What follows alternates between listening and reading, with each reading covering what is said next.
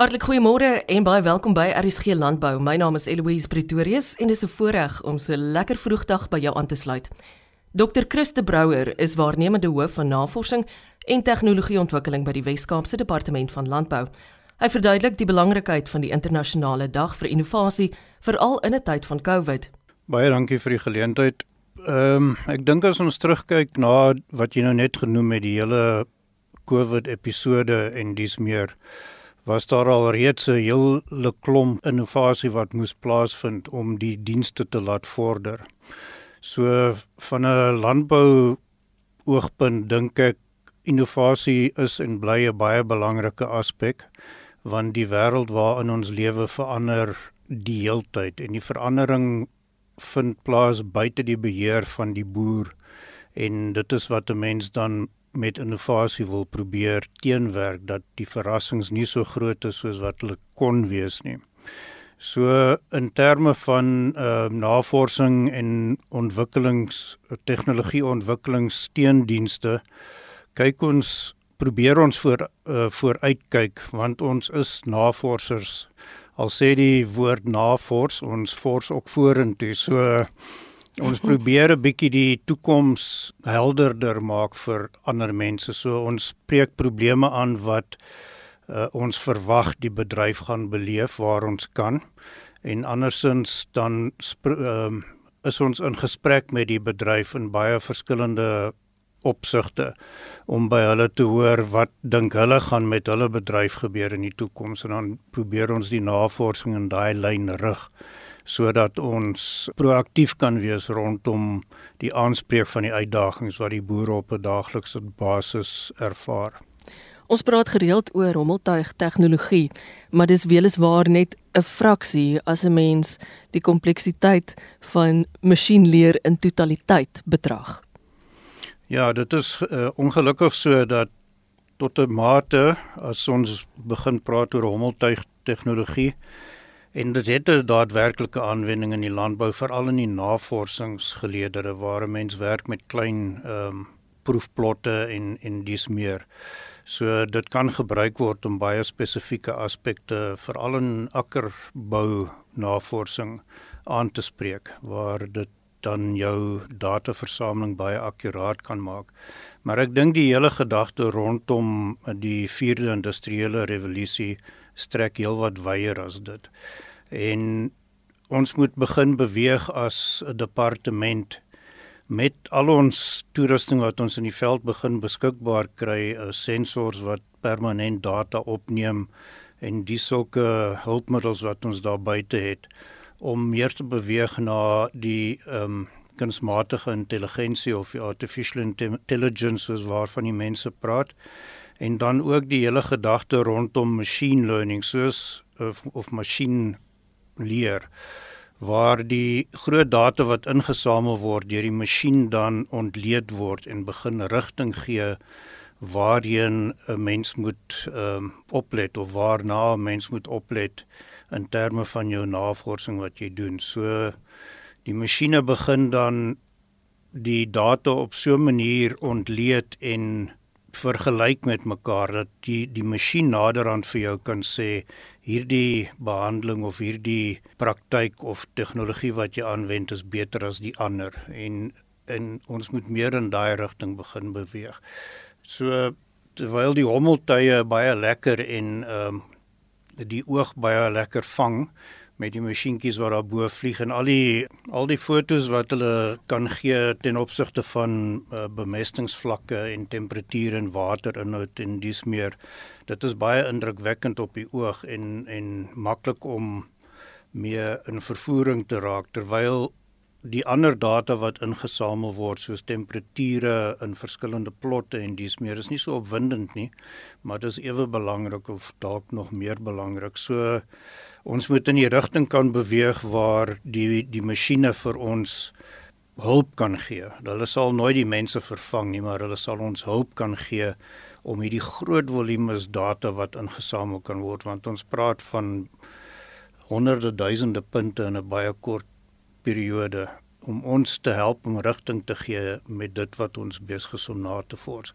En dit sal dan uiteindelik goeie aanleiding gee om advies vir die boere te gee rondom verskillende praktyke het sy in akkerbou en dit sal uiteindelik na die diere landbou ook uitbrei soos wat ons begin kyk na temperature in diere wat aan die son blootgestel word en daai klas van goed.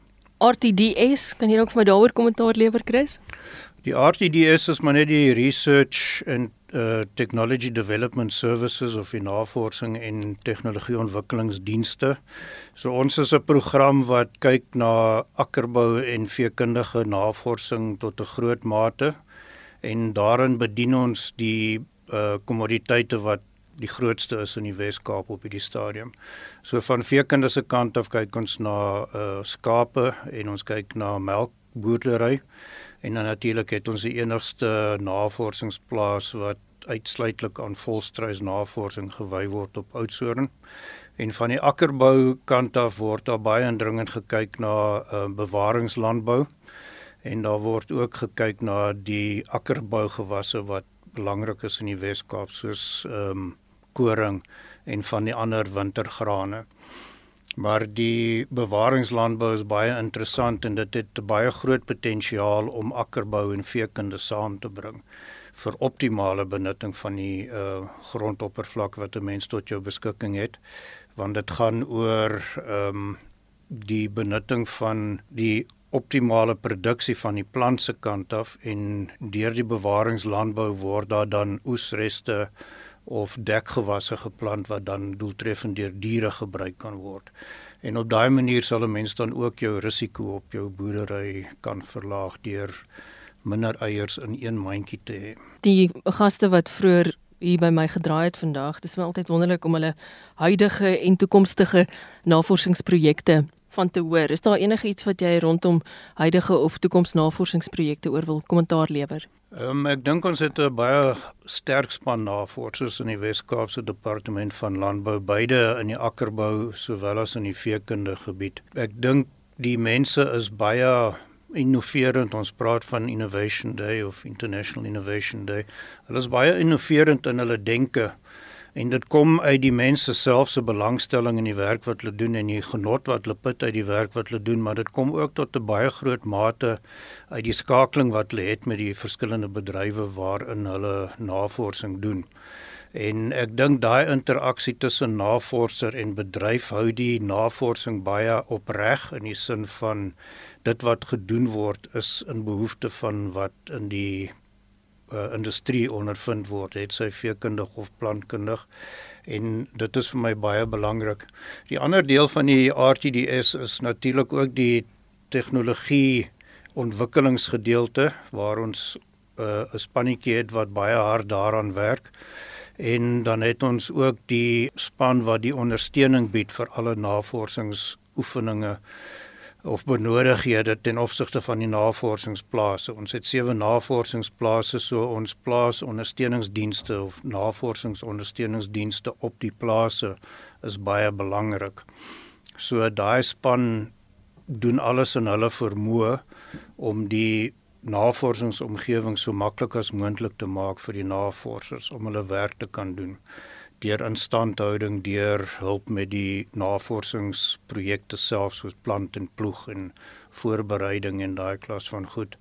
Alles in alles die hele program uh, saam is is baie innoverend in in hulle benadering onderling tussen mekaar en dan ook tussen programme waar ons samewerking met veeartsnydienste met ehm um, landbouprodusente ontwikkelings en steendienste en asook die landbouekonome nou al hoe nader aan mekaar beweeg. Want al daai faktore word onontbeerlik vir mekaar. Die een kan nie sonder die ander eintlik daadwerklik bestaan nie. Ek dink vir ons boeregemeenskap op hierdie stadium in Suid-Afrika is die speelveld is redelik vloeibaar in baie opsigte. Ons praat van klimaat tot polities tot markte wat hulle wat van dag tot dag kan verander en selfs wêreldomstandighede. Maar vir my as as navorser in landbou bly die boer, die boer die belangrikste skakel vir ons as 'n volk in Suid-Afrika. Wanneer dit kom by die versekering van voedselsekerheid op 'n plaaslike vlak, op 'n nasionale vlak en dan ook op 'n uitvoervlak waar die uitvoer van landbouprodukte weer ander voordele vir die land inhou in ten opsigte van forex en ooreenkomste met ander lande wanneer dit kom by uitvoer en invoer tussen die verskillende lande. So ek sou sê die boere moet waar moontlik moed hou want dit is nie maklik op 'n dag tot dag basis nie maar die werk wat hulle doen is ongelooflik belangrik vir die land en sy mense vir ons almal. En soos ek gesê het op plaaslike, nasionale en internasionale vlak.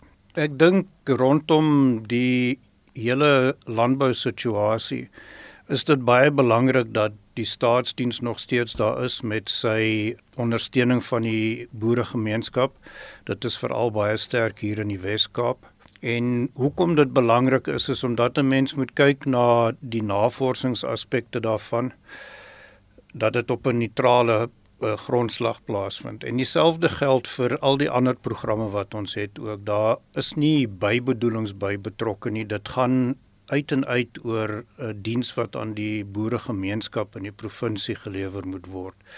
En ek dink dit is nie aldag dat dit erken word deur onsself as staatsamptenare nie, maar ook deur die breër gemeenskap daar buite, die boeregemeenskap, maar ook die breër publiek dat ons almal mekaar se hand moet vat om seker te maak dat landbou bly staan en landbou vorentoe gaan. Dr. Christe Brouwer is waarnemende hoof van navorsing en tegnologieontwikkeling by die Wes-Kaapse Departement van Landbou. Grant Forbes is bewaringsbestuurder by die Oeverberg Renosterveld Bewaringstrust.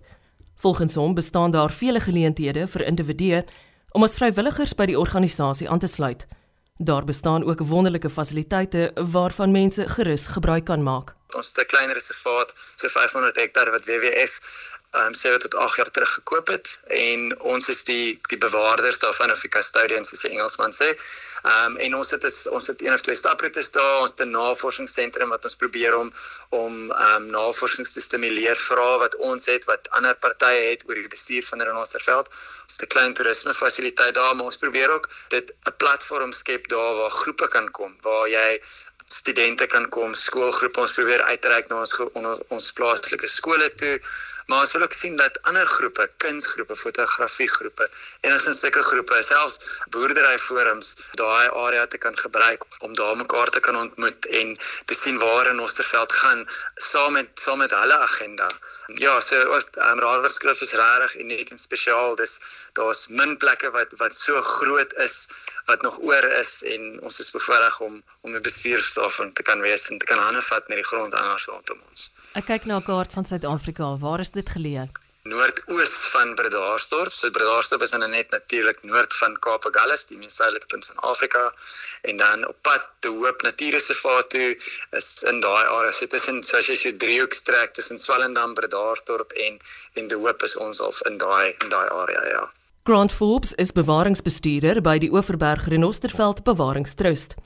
Dekaan van die fakulteit Agriwetenskappe by die Universiteit Stellenbosch, professor Dani Brink sluit nou by ons aan om besonderhede te deel oor hoe voornemende studente kan inskryf by die nuwe skool vir klimaatstudies aan die universiteit. As die studente voornemende studente of belangstellendes op die Universiteit Stellenbosch se webblad net 'n gewone soektog doen vir die skool vir klimaatstudies, sal hulle die portaal vind om hulle baie gemaklik in te lei tot die huidige aktiwiteite, navorsingsfokusareas sowel as die opleidingsgeleenthede wat daarmee verband hou. Dit dan dekaan van die fakulteit Agriwetenskappe by die Universiteit Stellenbosch, professor Dani Brink. Baie dankie dat jy ingeskakel het vanoggend. Onthou gerus om môre om kwart voor 12 weer so te maak. Ek is Eloise Pretorius en ek groet jou. Tot dan.